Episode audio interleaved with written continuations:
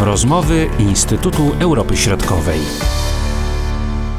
Witamy naszych słuchaczy w rozmowach Instytutu Europy Środkowej, a dzisiaj naszym rozmówcą, naszym gościem jest profesor Wojciech Ziętara, dziekan Wydziału Politologii i Dziennikarstwa Uniwersytetu Marii Curie-Skłodowskiej. Dzień dobry panie profesorze.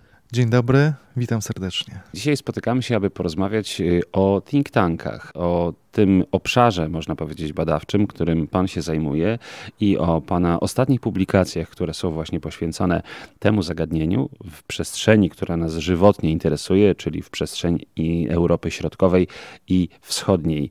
Jak tutaj te właśnie gremia są ulokowane i czy pełnią podobną rolę jak w przypadku think tanków, powiedzmy, amerykańskich? Zajmuję się problematyką think tanków od e, trochę ponad e, dekady. Jako pracownik jeszcze wówczas Wydziału Politologii Zakładu Ruchów e, Politycznych, analizowałem międzynarodówki, organizacje międzynarodowe zrzeszające partie polityczne i dostrzegłem, że coraz większą rolę odgrywają na zasadzie wsparcia, uzupełnienia działalności partii politycznych organizacje eksperckie, analityczne, doradcze, czy mówiąc e, krótko, powtarzając nazwę, think tanki. Ostatni, e, ostatni efekt e, moich prac to wspomniana przez pana publikacja dotycząca think tanków e, w Europie Środkowej i e, Wschodniej. Celem tej publikacji po pierwsze było podjęcie na nowo e, próby zdefiniowania zagadnienia, czym są think tanki, a później drugi cel, drugie zadanie to próba odpowiedzi na pytanie, jak organizacje eksperckie w Europie Środkowej, Europie Wschodniej pozycjonują się na tle chociażby wspomnianych przez Pana e, think tanków amerykańskich. Tu chciałbym e, wskazać powiedzieć, że podstawą do przeprowadzenia badań była taka pogłębiona analiza ilościowa badań prowadzonych przez e, zespół e, pod kierunkiem e, profesora Jamesa McGanna w ramach takiego programu Global Go to Think Tanks na, realizowanego na Uniwersytecie Pensylwanii. Efektem prac tego zespołu jest publikowanie co roku rankingów najbardziej wpływowych e, think tanków na świecie w oparciu o mm, opinie ekspertów. Takie badania, takie rankingi są publikowane już od 2008 roku, więc materiał empiryczny bardzo mm, bogaty, który pozwala na, e, na to, aby no już formułować pewne podsumowania, jak e, think tanki e, w Europie Środkowej, Europie Wschodniej pozycjonują się na tle państw europejskich czy w wymiarze takim ogólnoświatowym. I jak się je mierzy zatem? Są to badania w oparciu o ankiety, wywiady z ekspertami.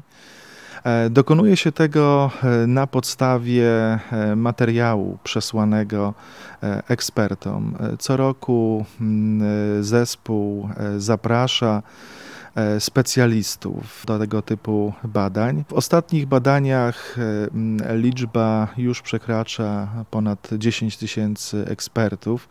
W związku z tym można przyjąć, że efekt tych wszystkich opinii jest miarodajny. Zespół e, proponuje bardzo liczne kategorie, klasyfikacje od najbardziej wpływowych think tanków na świecie poprzez e, najbardziej wpływowe think tanki w poszczególnych regionach, między innymi e, w Europie Środkowo-Wschodniej, poprzez najbardziej wpływowe w danych e, obszarach problemowych, czy e, prowadzące jakąś dodatkową aktywność. Raport zawiera ponad 50 tabel rankingów. Tam między innymi są e, też oczywiście pozycjonowane think tanki w Europie, z Europy Środkowo-Wschodniej. Sama klasyfikacja odbywa się kilkuetapowo. Najpierw eksperci przedstawiają swoje propozycje, później są one pozycjonowane, jeszcze ponownie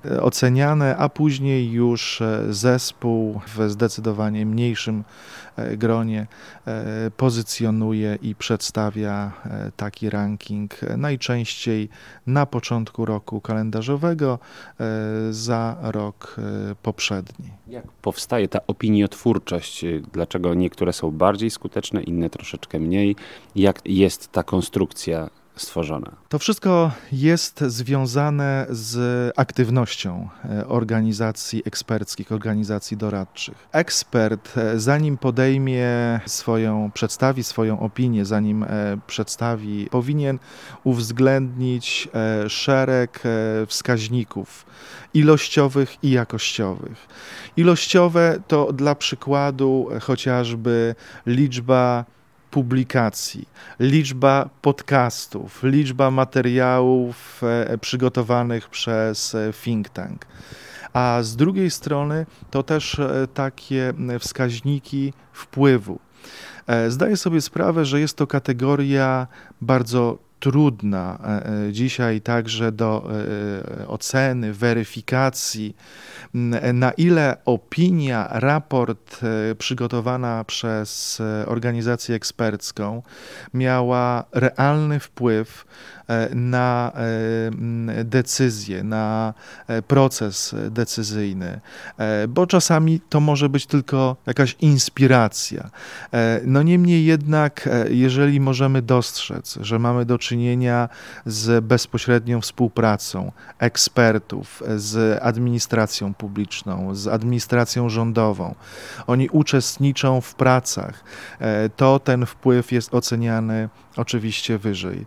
No i suma tych wszystkich e, wskaźników pozwala później e, zbudować taki e, ranking najbardziej wpływowych.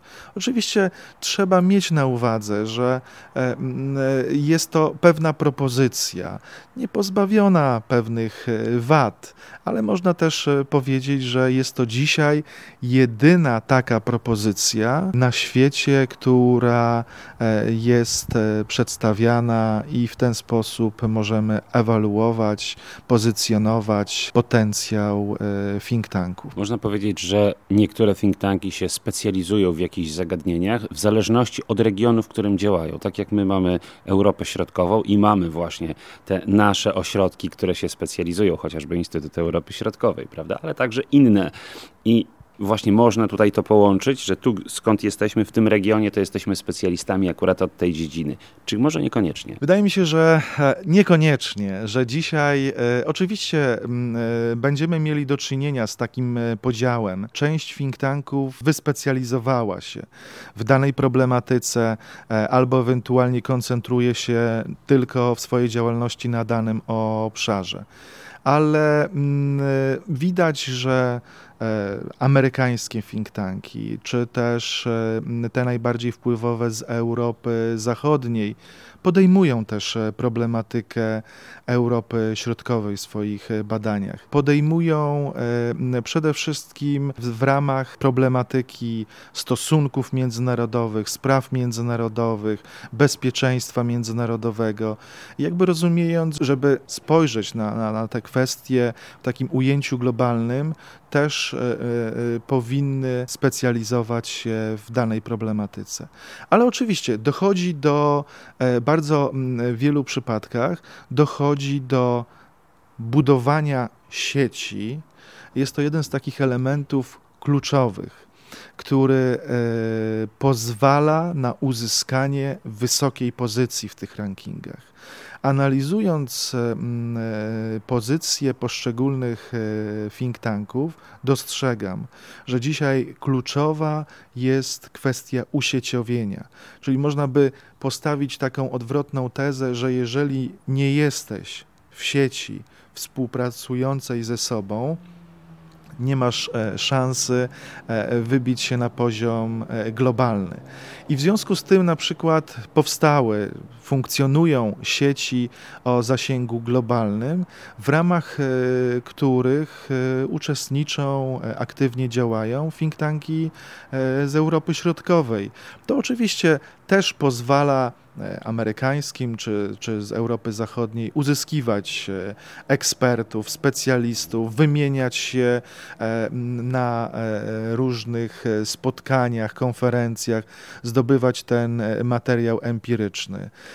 I, i, i chciałbym podkreślić właśnie, że, że to jest jeden z takich elementów kluczowych, e, pozwalających e, na wzmocnienie potencjału, funkcjonowanie w ramach sieci. Jak dobry nie byłby think tank, jeżeli on nie jest dzisiaj częścią sieci, to on nie uzyska e, wysokiej pozycji. Teraz jesteśmy świadkami rosyjskiej agresji na Ukrainę. Jak tutaj pan ocenia działalność właśnie think tanków na tej płaszczyźnie, jeśli chodzi o ten zakres tematyczny? Bardzo interesujące, ważne pytanie, ponieważ ono e, zahacza o kwestię definiowania też think tanków. Jednym z takich elementów pozwalających e, na zdefiniowanie jest kwestia niezależności. Dzisiaj traktowana jest ona bardzo szeroko, ponieważ e, mamy do czynienia z think tankami rządowymi, współpracującymi e, z administracją rządową, współpracującymi z partiami politycznymi, afiliowanymi przy uniwersytetach. Oczywiście są też takie, które są autonomiczne, w pełni niezależne, starają się dywersyfikować źródła e, finansowania, co też e, przekłada się później na zakres e, problemowy ich działalności. I gdy pyta Pan o między innymi dzisiaj wojnę, agresję Federacji Rosyjskiej na, na, na Ukrainę, to można było dostrzec stosunkowo wysoką pozycję e, rosyjskich think tanków we wszystkich e, rankingach. E, nawet pozwoliłem sobie na taką oto opinię w swojej książce, że mm, najbardziej wpływowym think tankiem w Europie Środkowej i Wschodniej był think tank Carnegie Endowment Moscow. Oczywiście to była filia mm, amerykańskiego think tanku działającego mm, w Moskwie. E, no niemniej jednak e, ta kwestia niezależności tutaj się pojawiła.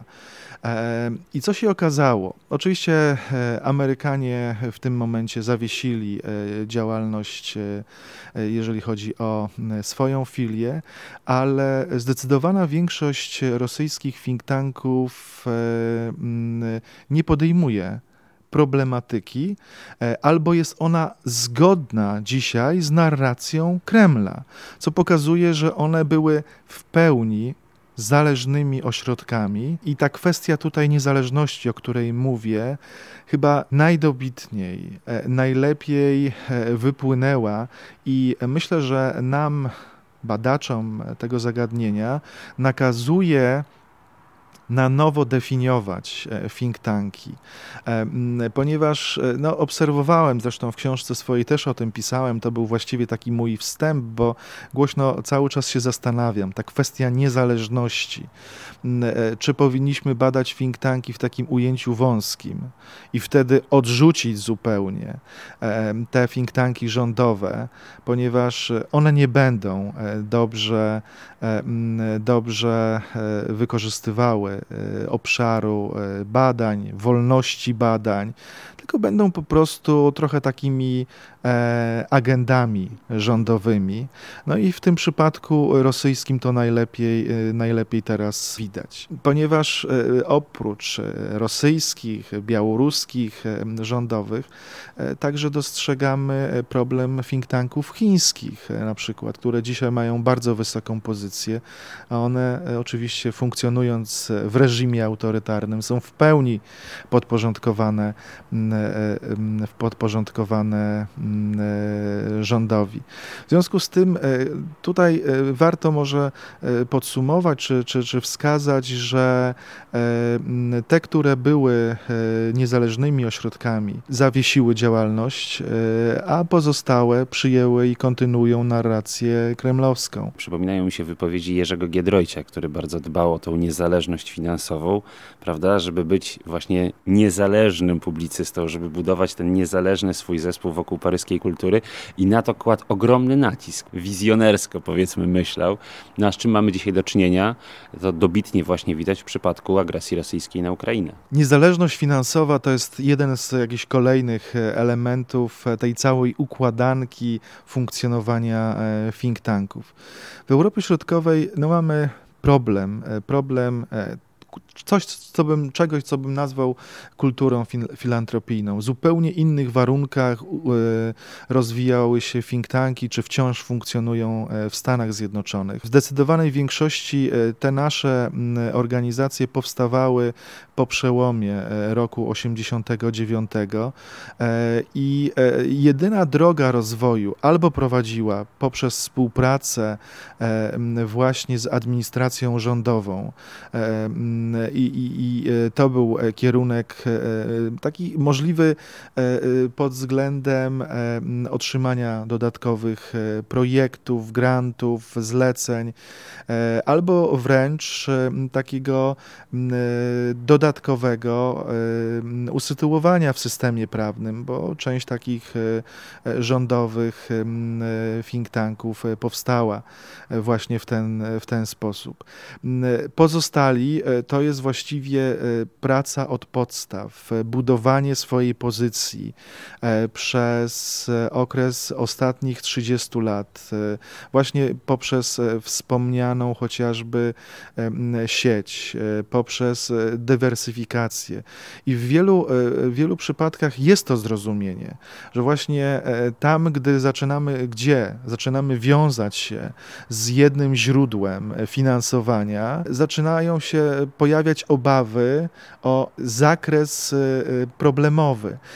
Nie twierdzę, bo, bo też nie ma ku temu podstaw, rzetelność badań jest jak najbardziej zachowana ale być może niektóre podmioty, e, niektóre tematy e, nie są podejmowane właśnie e, w ramach swoich badań. Jak pan postrzega przyszłość think tanków, szczególnie w naszej części Europy? 30 lat pokazały, że stały się one trwałym elementem systemu politycznego.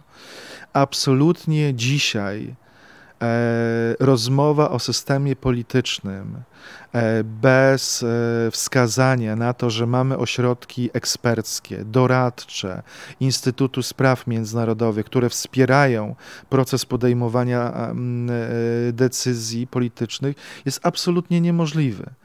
Jakby układanka taka, mamy, mamy do czynienia z różnymi podmiotami i wyjęcie think tanków oznacza, że nie mówimy E, o całym systemie. A więc one są już dzisiaj, są na trwałe, natomiast e, myślę, że e, jeszcze jest przed nami bardzo długa droga. Po pierwsze, to jest kwestia dalej pozyskiwania środków, żeby dorównać tym najbardziej wpływowym europejskim, a przede wszystkim amerykańskim to my musimy pozyskiwać środki przekraczające budżety wysokości co najmniej 5 milionów dolarów amerykańskich. E, świetnie wykorzystujemy, widać, że e, e, oczywiście w swoim zakresie tutaj tych, tych ograniczonych środków te nasze polskie think tanki czy z Europy Środkowej funkcjonują dobrze, ale żeby dalej się rozwijać, to jest kwestia finansowa. To jest także kwestia udziału w sieciach albo udziału w sieciach zewnętrznych, albo też rozbudowywanie struktury e, wewnętrznej, budowanie filii e, i e, na przykład kierunek wschodni. Polskie think tanki, Centrum Analiz Społeczno-Ekonomicznych ma e, już kilka swoich e, takich filii w państwach Europy Środkowej czy, czy Europy Wschodniej. To jest także kolejny kierunek. I myślę, że e, następny, który jest także przed think tankami z naszego regionu, to mm, rozszerzenie zakresu e, problemowego. E, dlatego, że można zaobserwować, że think tanki z tego regionu przede wszystkim wyspecjalizowały się w zagadnieniach z zakresu spraw międzynarodowych, stosunków międzynarodowych, bezpieczeństwa e, międzynarodowego, e, ewentualnie polityki e, ekonomicznej. Natomiast pozostawiamy pewne obszary, które nie są zagospodarowane jak na przykład e, polityka energetyczna.